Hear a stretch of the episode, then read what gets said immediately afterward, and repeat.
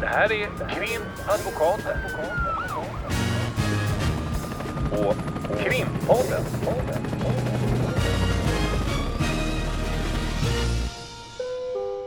Parter och ombud kallas till sal 32. Hej Lotta! Hej Ulrika. Idag tänkte vi prata om en liten snutt som vi har blivit rekommenderade att titta på. Och den där lilla snutten den är från ett tv-program som heter Renés brygga som går på TV4. Mm. Eh, berätta! Mm. Ehm, Renés brygga där hon bjuder in kändisar och sitter och diskuterar olika ämnen. Inte ett helt ovanligt koncept i dagens tv-tablå. Eh, och eh, i det här programmet så är det bland annat en av tre är Jens Lapidus, en tidigare kollega måste man ju säga i branschen. Han var eh, advokat och är nu som väl de flesta vet författare på heltid. Slutade för fem, sex år sedan som advokat. Mm, och varför det har, har pratats lite om det här ibland eh, försvarsadvokater i våra kollegor Mm. som ledde till att vi tittade på det här det var att ganska många hade fått eh, lite funderingar kring olika grejer som Mm. han sa i det här programmet. Mm. Jag tror det är många som reagerade på det han sa på olika sätt.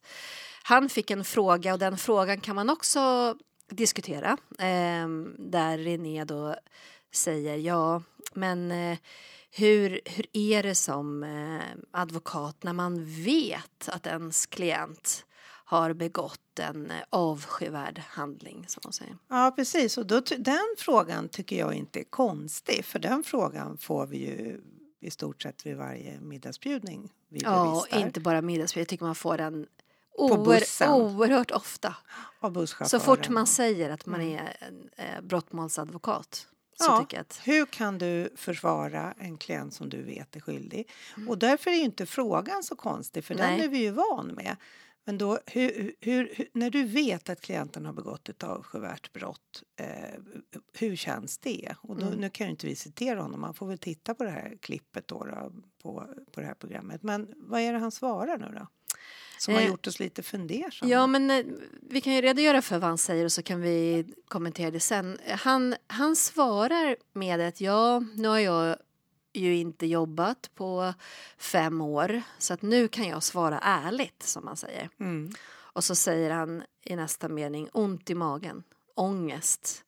Eh, därför att man, eh, man ligger och, och vrider sig på natten och tänker att den här personen som jag nu försvarar, tänk om han blir frikänd på grund av mitt arbete och sen går ut och våldtar flera. Mm. Ja.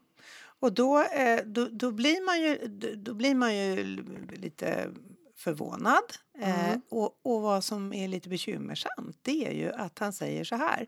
Nu kan jag ge ett lite ärligare svar. Mm. Det betyder ju att vi som har Mm. suttit här och poddat i 537 000 avsnitt och Mm. pratar om advokatrollen och, och lever i, i vårt yrke håller på och ljuger. Mm. Eller att som jag tolkar hans analys det är väl att ja men nu kan jag säga det för nu har jag fått distans som att vi i det här yrket när vi konfronterar det vi ju faktiskt gör vad gäller påstådda gärningar och bilder och så vidare som, som man nu som såklart kan vara eh, ibland svåra att, att ta till sig men i, i rollen som försvarsadvokat att vi ska leva i någon sorts inbillad, eh, eller vad säger man, ett, ett sorts tillstånd där man inte kan känna efter utan att man liksom måste ljuga för sig själv också.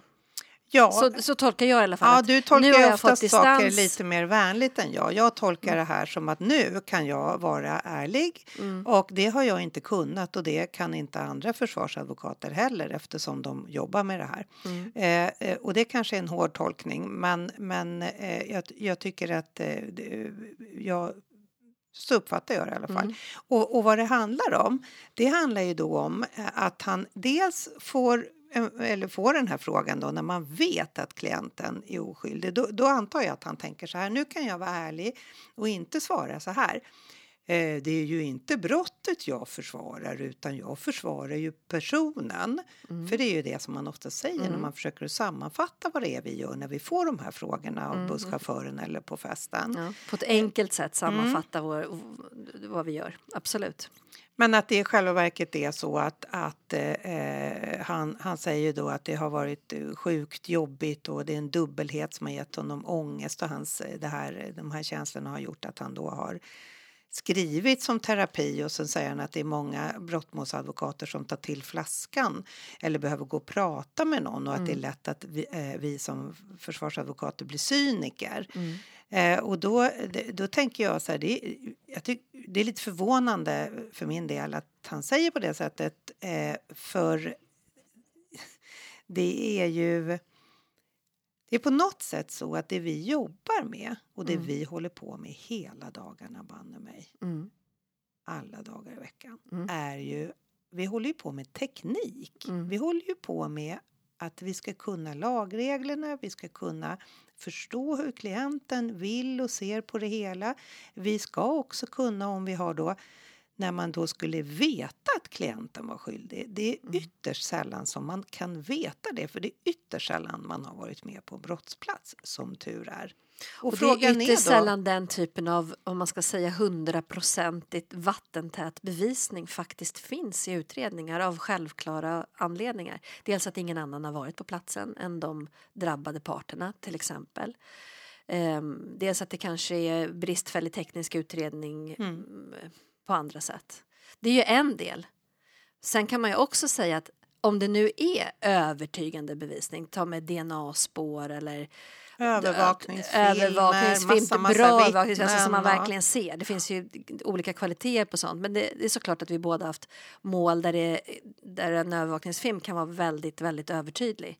Så att det inte går helt enkelt att, att säga någonting annat än att det är den här personen på platsen. Ja, då, är, och då hanterar man ju det om man har en klient som säger det är inte jag som är på den där platsen. Okej, fine, då kör vi på det spåret och sen om du ändrar dig då kör vi på ett annat spår. Men jag hänger på. Eh, och sen kommer vi till ett läge där vi har eh, tusentals fingeravtryck, en massa DNA, vi har övervakningskameror och vi har en massa vittnen ovanpå det. Det här händer ju ganska sällan, men när det är riktigt eh, stark bevisning från åklagarens sida, då är det ju vårt uppdrag att informera klienten om vad vi tror att domstolen kan komma fram till när åklagaren presenterar den här bevisningen. Och då får man ju säga att med den här bevisningen så tror jag att domstolen kommer att ha svårt att frikänna dig. Men vi, jag kör på i, i det här läget om du fortfarande vill säga att du inte var på den här platsen. Men du ska vara medveten om att att jag har jobbat i det här yrket så pass länge. Jag kan göra en, en värdering av den här bevisningen som jag misstänker att, att eh, det finns en risk att domstolen, även om jag får följa dig, kommer att, att eh, acceptera utifrån åklagarens perspektiv. Ja. Och när, när det händer, att det finns väldigt stark bevisning, när man har redogjort för klienten hur det ser ut, då kan ju klienten välja hur den vill göra. Och det måste jag nog säga att det här är ju ofta oftast inte ett samtal vi sätter oss ner och säger nu ser det ut så här och så här, utan det här växer ju fram. Om man sitter häktad så hålls det ju en massa förhör och det kommer mer och mer information från polisen under förhören så att det växer fram. Och när man då hamnar i det läget att man, man står inför en, en, en massiv bevisning för att klienten har gjort det här som påstås då är ju redan klienten förberedd på det och när man då sätter sig ner med klienten och säger att jag är nog av den uppfattningen att det finns en risk att, att du faktiskt döms. Då har oftast klienten redan tänkt över det. Oftast har de också processat under förundersökningen och kanske säger ja, jo, jo jag, jag förstår det och jag, jag, jag ser problemen och eh, men då, då vill jag ändå berätta. Då kan jag ju berätta alla detaljer kring det här. Och då är det ju vårt jobb att tekniskt sett eh, bedöma eh, finns det några förmildrande omständigheter?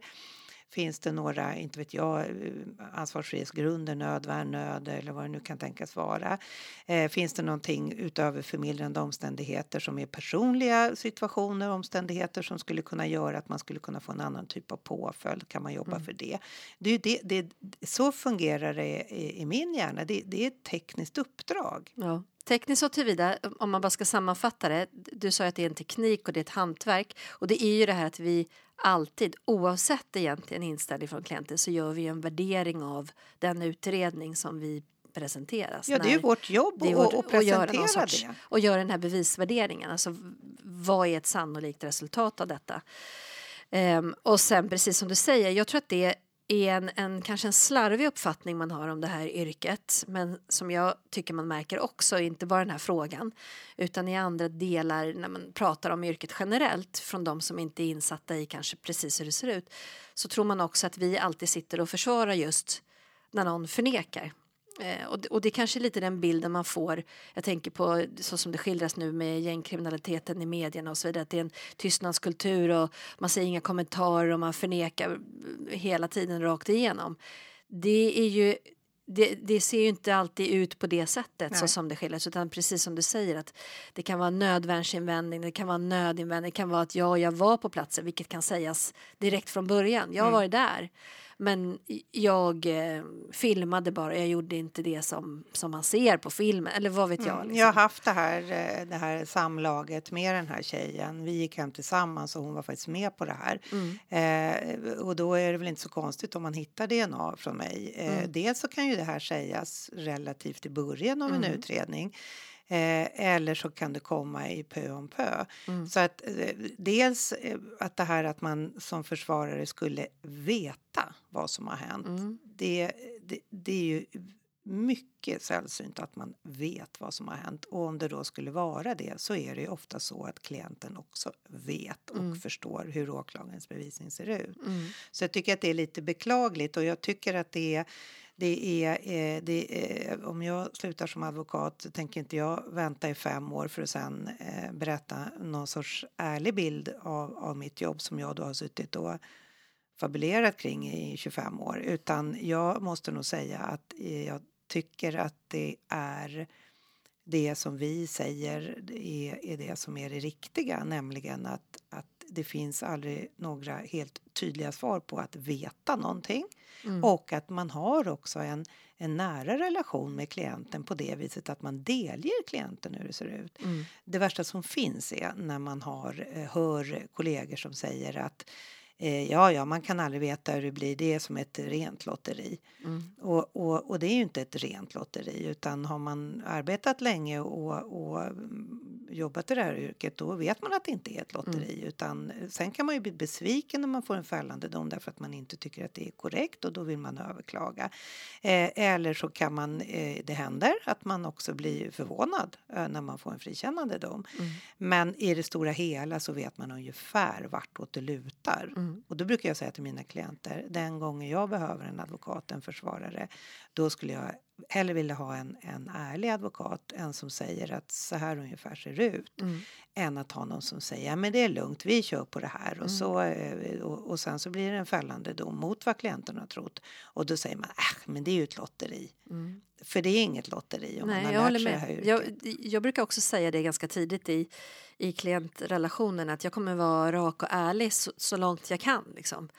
Och säga att när det är någonting som är besvärande eller om det är någonting som vi måste möta upp i ett förhör eller med annan bevisning så, så kommer jag säga det och, och inte liksom mm, få, försöka få en person att bara må bra. Ibland beroende på psykiskt mående så kanske man ibland eh, väntar och parerar. Liksom, Ja, säga. jag tänker på har man haft en, en huvudförhandling i ett antal dagar och så avslutar man, då är det ju försvararen som pläderar sist eller försvararna som pläderar sist. Och så går man ut ifrån rättssalen och, och, och klienten är väldigt nöjd med vad de har hört. Eh, för det är ju försvararen då som man får höra sist. Så det är klart att man, man kan vara nöjd med det för, att man känner sig som att det här blir en friande dom. Då, då får man ju lite väga hur man ska säga redan utanför rättssalen att det är ju ingenting som är garanti på det här. Alltså jag har ju sett brister i det här och det här och här får man kanske räkna med att det inte blir det och här kanske vi har möjlighet och så. Eh, utifrån resonemanget, utifrån juridiken.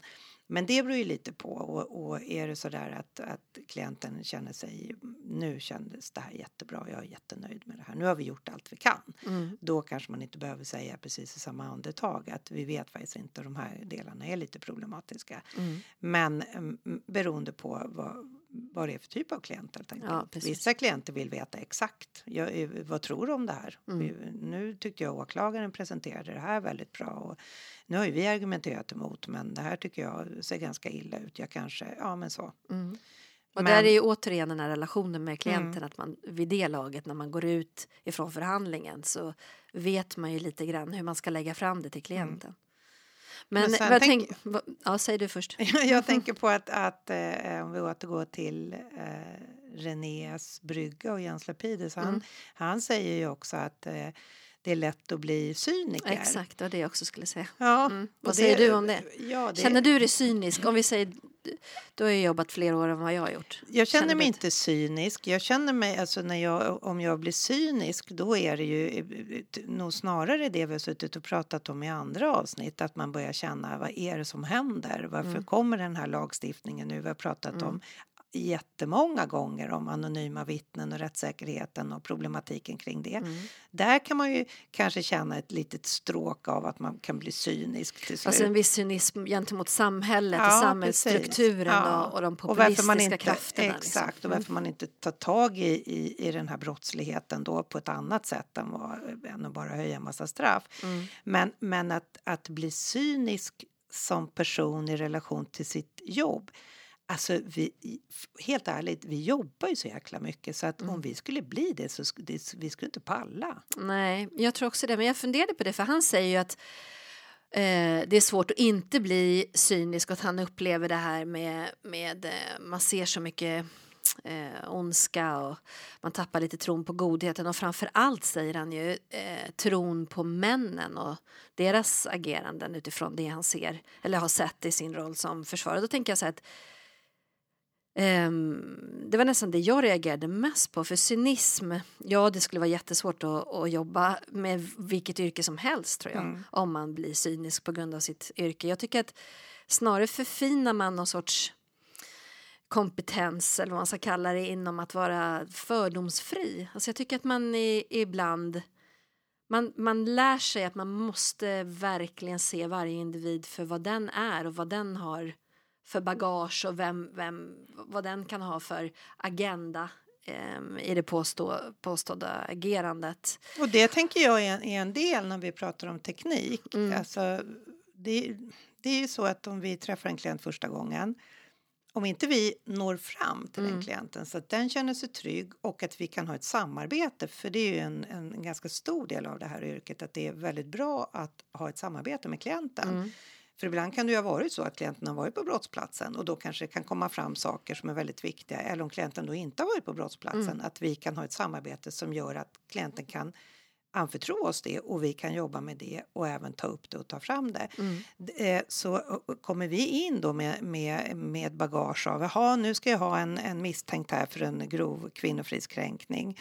Eh, åklagaren påstår att han har slagit sin fru här i tre års tid och hotat henne och, och barnen. Eh, om vi då öppnar dörren in till arresten och har en, en cynisk uppfattning och en förutfattad mening om att det, det, så är det nog. Mm. Då ska man nog kanske faktiskt byta jobb. Då måste man byta jobb. Jag tänker på det att vi också under förundersökningsprocessen inte sällan bevakar förekomsten av, allting låter nu så högtravande, men det är ju lite så. Vi är ju som vi alltid säger ett ben i det här rättsväsendet och vi bevakar individens rätt. Och ibland tycker jag i vissa förhör, där måste man ibland sätta ner foten och säga, "Nej, fast nu kan vi inte utgå ifrån de här premisserna i vissa frågeställningar eller och då kan polisen ibland fånga upp sig själv och säga "Nej, okej, omformulera och även i rätten kan ju det hända att man man ställer frågor eller utgår ifrån förhållanden som, som visar på att man har fördomar på ett sätt som gör att man inte kan vara kall i bedömningen helt enkelt, eller hur? Då tycker jag att har man en cynism, precis som du säger, i det, då tappar man hela den här Alltså vi är ju inte objektiva i processen, vi är ju subjektiva som vi är på, på Ja, klientens men vi är inte lojala. känslomässigt Vi är rationella. Ja, det liksom. funkar ju inte att vara det om man, om man som låter känslorna styra och, och börjar ta in någon sorts premisser kring ondska eller inte. Alltså alla människor sitter ju och, och glor på tv och ser på filmer Exakt. och deck, läser deckare och allt det här. Du, du, de flesta har väl sett det mesta, alla dokumentärer Mm. om, om allt vad det nu är.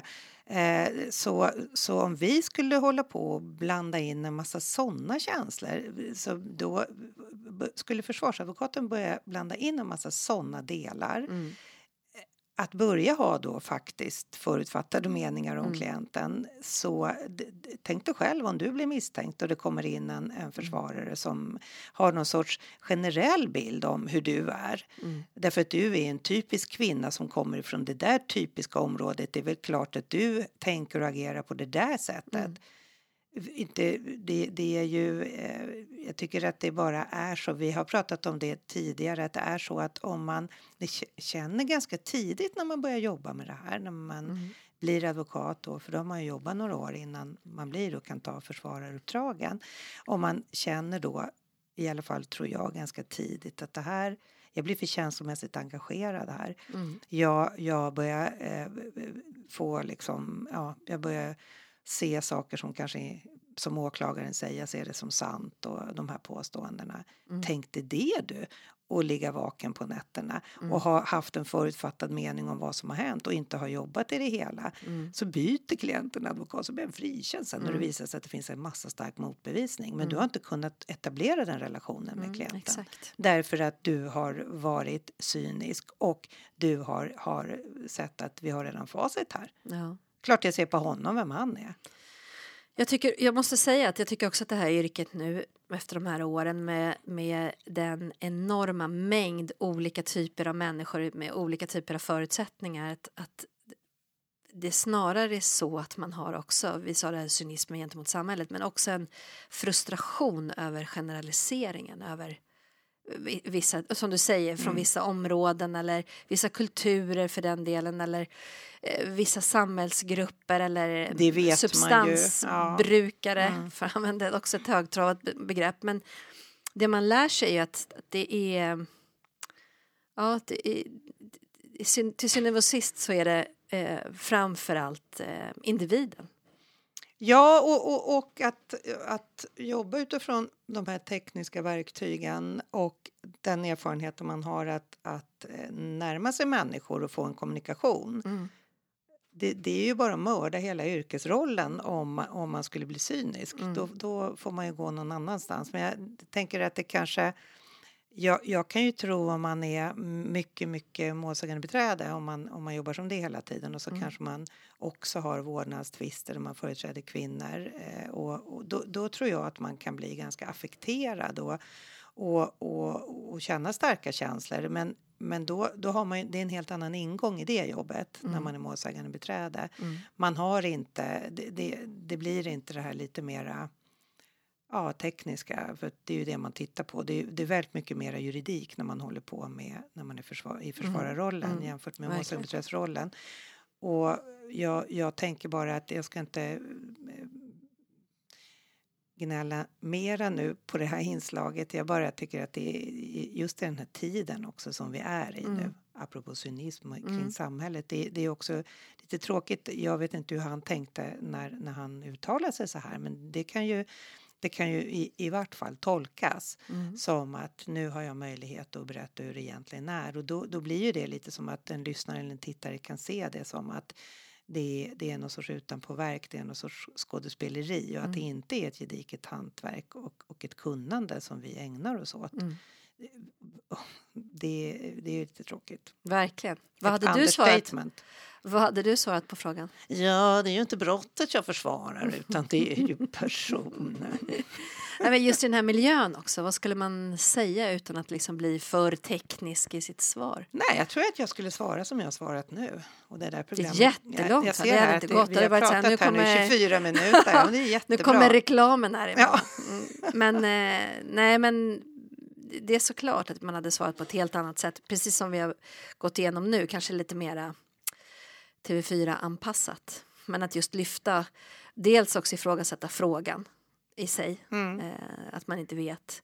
Och att det är en... Eh, det går inte att ställa den frågan. Alltså det, det är väl det vi egentligen kommer fram till. Vad ska man, det går inte att svara på den frågan för att förutsättningen för frågan är, är felaktig helt enkelt. Ja, och det, och, men som jag sa inledningsvis, det är inget konstigt. Det är ingen konstig fråga. Det är en Nej. fråga vi får faktiskt ganska ofta. Mm. Jag som har undervisning också med mina studenter. Mm. Det är därför när, om man har någon paus med dem och de får ställa vilka frågor de vill som inte är relaterade till det de ska lära sig så är, är ju den frågan den vanligaste kan Mm. jag säga. Mm. Jaha, varför valde du att bli försvarare?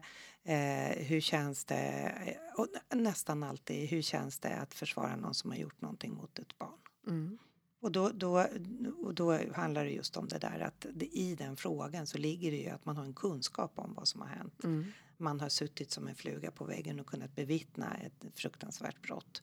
Och hur kommer det att säga att man kan palla med och, och försvara den personen? Då Mm. blir det ju att man försvarar brottet helt enkelt. Mm. Men eh, han säger att man har ont i magen och ångest och många tar till flaskan och så vidare. Vad skulle du säga om ångestnivån då? Har du, har du någon gång ångest i, i arbetet som är yrkesrelaterat? Alltså på grund av Det är om någonting? man inte hinner med ångest, det är ju lite att ta i, utan det är om man är, är, har, har mycket att göra Mm. och känner att eh, för det mesta räcker ju tiden till för dygnet är ju 24 timmar, det låter ju också väldigt högtravande men, men så är det ju Mm. ibland. Ibland har man ju väldigt Mm. arbetsinten- arbetsintensiva perioder och vad man kan känna då det är till exempel, eh, jag är i en sån period just nu och då eh, har jag precis avslutat ett mål som har tagit ganska mycket tid och kraft i anspråk. Mm. Eh, och, och då har, eh, satt jag på pendeltåget idag hemifrån, jag var på ett förhör i Uppsala, så satt jag på pendeln och då hittade jag ett mejl som var ifrån förra onsdagen, idag är det ju torsdag. Mm. Och då fick jag så här, oh, shit, jag har faktiskt glömt att svara på det här. Det var inget viktigt. Det var någon som, en före detta klient som hade lite frågor till, som gällde en kompis. Mm. Men ändå, "Åh, det har gått så många dagar innan jag har svarat. Och då kan jag få så här, ja, det där borde jag ju ha svarat Mm. på. För då har jag lagt det på spara hela tiden och sen har det fyllt på. Mm. Och, och, och sånt. Men, men inte så att jag går hem, det är helt ärligt. eh, Oavsett när jag avslutar mitt yrkesliv. Mm. Jag ligger inte och har ångest och tar till flaskan för att jag försvarar människor som jag vet har begått fruktansvärda brott. Nej. Gör du det? Eh, nej, jag har precis samma. Ibland kan det vara att man kanske har sagt till någon så här, men jag, men jag kollar det och, och så ringer jag dig när jag har kollat så kommer man så men gud, just det. Och sen Mm. då kan jag också få så här, ah. Och så är klockan alldeles för mycket och man vet att man får inte tag på polisen eller vad vet jag. Nu vi, vi har det ju lyxigt med att vi har en administration här i, på vår byrå så att då kan jag ringa min assistent och bara, åh, vi måste imorgon, glöm inte det här Mm. nu. Eh, och det är ju lyxigt. Men eh, det är precis sådana saker. Där kan jag ha ångest. Och ibland kan jag vakna kanske på natten och bara nej just det, jag får inte glömma bort det där. Liksom. Ja, men, så, men det är ju ja. klientlojaliteten. Ja, om man känner så här, men, ja, att man helt enkelt, eh, man brister ju inte i det, det är ju också överdrivet. Men att det, det är ganska många trådar samtidigt i huvudet. Ja, och då blir det ju så när man vaknar. Då tar man bara fram mobilen och skriver upp i anteckningar Exakt. långa listor på vad man ska göra och att man inte så. Det kan ju vara som precis vad som helst. Ja. Men, men just att, att man bara känner jäklar, det där skulle jag ha svarat på och det, det, och, och det är inget panik med det. Men att man känner att man inte har gjort exakt allt som man borde ha Mm. hunnit. Men det är ju därför att det blir, ju, det blir ju prio i de ärendena där man har en klient och det är någonting viktigt. När man då får ett mejl. Hej, det är din gamla klient. Eh, Jag var klient till dig för tio år sedan. Jag har en kompis som har några frågor. Det är klart att inte det ligger i, i, i prioordningen när man har mycket, mycket annat. Och ändå kan man känna, jäklar, det skulle jag svarat Mm, på. Det har gått mm. drygt en vecka. Mm. Så att, eh, känner du ångest över alla eh, klienter som du vet har begått brott? Nej, och som sagt, jag tycker att den frå- jag håller med om att jag förstår att man ställer frågan. Men eh, det är ju snarare frågan i sig då som man får dissekera, som vi har gjort nu också. Men eh, nej, inte, inte, absolut inte på grund av det. För då, jag tror så här att om man skulle ha känt det någonstans under vägen, nu har jag också jobbat här en massa år, liksom, Mm. då hade jag nog gjort någonting annat. För jag, jag tror att det, det är inte möjligt. Alltså man, det är just den här egna analytiska bevisvärderingen och, och just det som du säger att man har den här tekniken och tillsammans med klienten och man arbetar utifrån den berättelsen. Ja, man arbetar man också... inne i ja, det. man är inne i det och, man, och det är inte så, alltså, man måste ju ha två perspektiv. Ja, Man har klientarbetet, det, det är de uppgifterna som lämnas. Man läser på. Det, Mm. det, man kan hamna i en ny typ av brottslighet som man inte arbetat med, arbetat med tidigare. Man måste läsa på, man läser rättsfall hela tiden, man läser juridiska, det som kallas för doktrin, olika böcker som Mm. professorer och sådana har skrivit.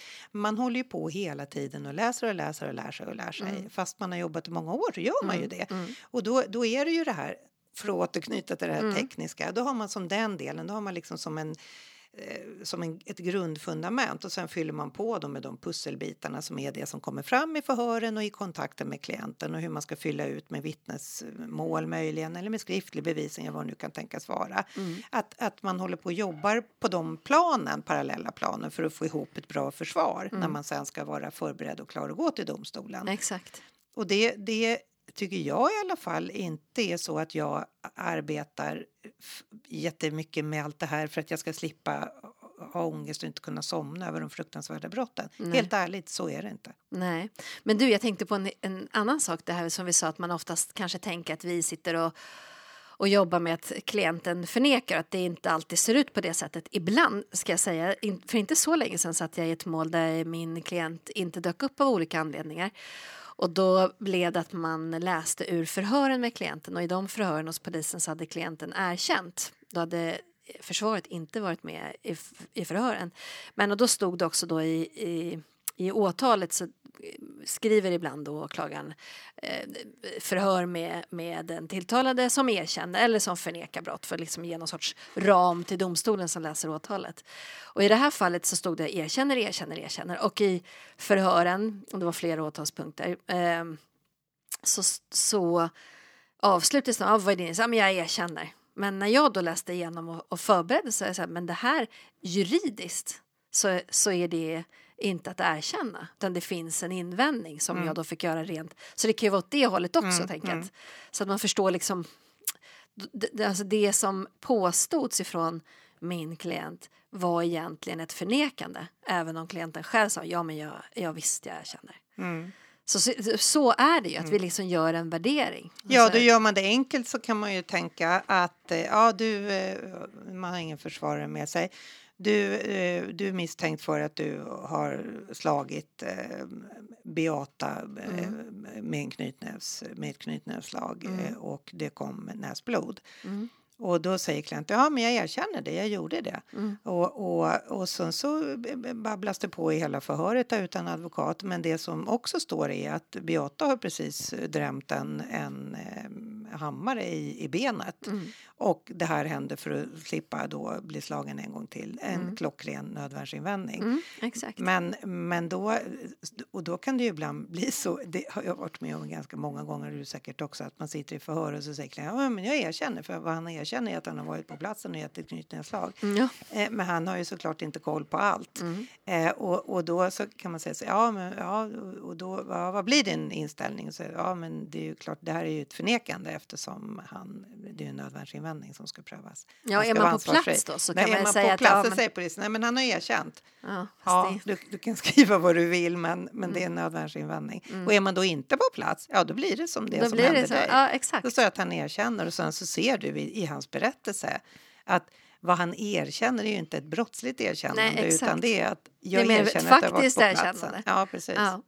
Men alltså, så kan det se ut också. Men nej, jag skulle inte säga att man... eh, Sammanfattningsvis skulle jag säga att jag tror att ska, ska man ha den här typen av ångest som han beskriver i den här miniintervjun då tror jag att man ska använda ett annat eller eh, börja med ett annat jobb. Och det var ju tur att han gjorde det. Mm. För han är en bra författare. Ja, då kan vi avsluta. Så avslutar vi. Tack. Tack och hej! Krimpodden.